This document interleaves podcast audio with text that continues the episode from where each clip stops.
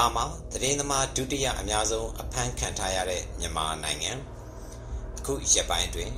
နယူးယောက်ခြေဆိုင်သတင်းသမားကာကွယ်ရေးကော်မတီဖြစ်တဲ့ CPJ ကနှစ်စဉ်တက်ဖြတ်ခံရတဲ့သတင်းသမားဖမ်းဆီးခံရတဲ့သတင်းသမားတွေနဲ့ပတ်သက်လို့အရေးအတွက်စီးရင်ထုတ်ပြန်လိုက်ရမှာမြန်မာနိုင်ငံဟာကမ္ဘာပေါ်မှာသတင်းသမားတွေကိုဒုတိယအများဆုံးဖမ်းဆီးထိန်းသိမ်းခံရတဲ့နိုင်ငံဖြစ်နေတာတွေ့ရပါတယ်။တ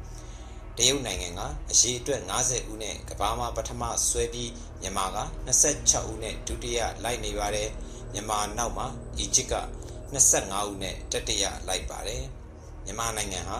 ပြီးခဲ့တဲ့ဆယ်စုနှစ်တခုစာအတွင်းသတင်းလွတ်လပ်ခွင့်တိတိတသားမြင့်တက်လာပြီးနောက်စစ်အာဏာသိမ်းမှုအပြီးမှာသတင်းလွတ်လပ်ခွင့်ဟာစောက်ထိုးမိုးမြော်ဖြစ်သွားတာဖြစ်ပါတယ်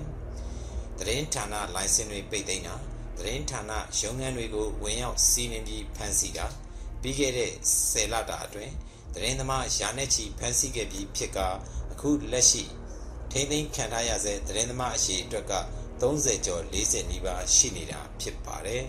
CPJ ရဲ့စည်ရင်အရတော့ဒီဇင်ဘာ၁ရက်နေ့ထိ၎င်းတို့စုဆောင်းရရှိတဲ့သတင်းသမားဖမ်းဆီးခံထားရသူ26ဦးလို့ဆိုပြီးထုတ်ပြန်ပါတယ် မြန်မာနိုင်ငံလိုသတင်းသမားရေအတွက်၄-ထောင်လောက်သာရှိတဲ့နိုင်ငံအဖို့သတင်းသမားရာဂဏန်းနဲ့ချီဖမ်းခံရပြီး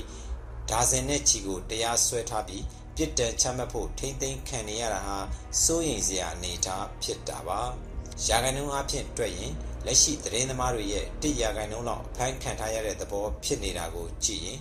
မြန်မာနိုင်ငံရဲ့သတင်းလွတ်လပ်ခွင့်အခြေအနေကဘလောက်ထိဆိုးရွားနေတယ်ဆိုတာသိနိုင်ပါတယ်။ တရုတ်နိုင်ငံလိုလူဦးရေအများကြီးရှိပြီးသတင်းသမားတောင်းနဲ့သိန်းနဲ့ချီရှိနေတဲ့နိုင်ငံမှာသတင်းသမား90ဖမ်းဆီးခံထားရတာနဲ့သတင်းသမားထောင်ကနန်းအနှဲငယ်သာရှိတဲ့နိုင်ငံမှာသတင်းသမား25ဦးဖမ်းဆီးခံထားရတာရဲ့စိုးရိမ်စရာအနေအထား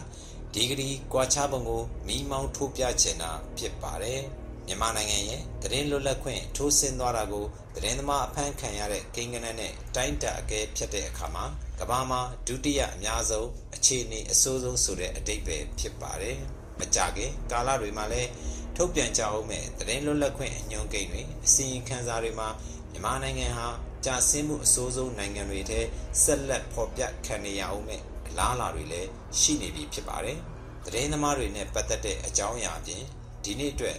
ခြားထူးခြားတဲ့သတင်းတွေထဲမှာတော့ဒေသတွင်အဖွဲ့အစည်းဖြစ်တဲ့အာဆီယံရဲ့လက်ရှိဥက္ကဋ္ဌဖြစ်သူကမ္ဘောဒီးယားနိုင်ငံရဲ့ခေါင်းဆောင်ဟွန်ဆန်ကမြန်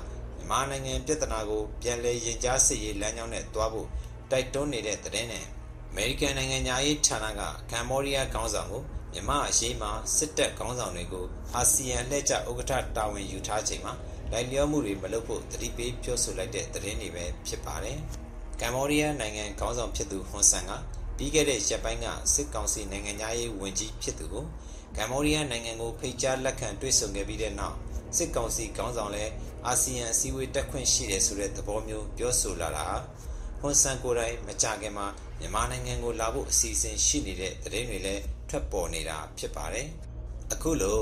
အာဆီယံလက်ကျဥက္ကဋ္ဌကမ္ဘောဒီးယားနိုင်ငံကတာဝန်ယူရချိန်မှာ ကမ္ဘောဒီးယားခေါင်းဆောင်ဟွန်ဆန်ကနိုင်ငံတကာတန်တမန်နယ်ပယ်မှာအတိမတ်ပြုမခံရတဲ့စစ်ကောင်စီရဲ့အချက်တဲကိုထွက်ပေါက်ပေးလိုက်သလိုဖြစ်စေခဲ့ပါတယ်။တန်တမန်ရေးကိစ္စတွေကမြန်မာနိုင်ငံရေးအချက်တဲရဲ့အဓိကအကြောင်းချက်တွေမဟုတ်ဘဲအချက်တဲရဲ့ထွက်ပေါက်ကပြည်တွင်းမှာမှန်ကန်တဲ့အဖြေရှာနိုင်မှုကသာအဓိကကြတယ်လို့ပဲဆိုကြပါတယ်လို့ရေးသားထားပါတယ်ခင်ဗျာ။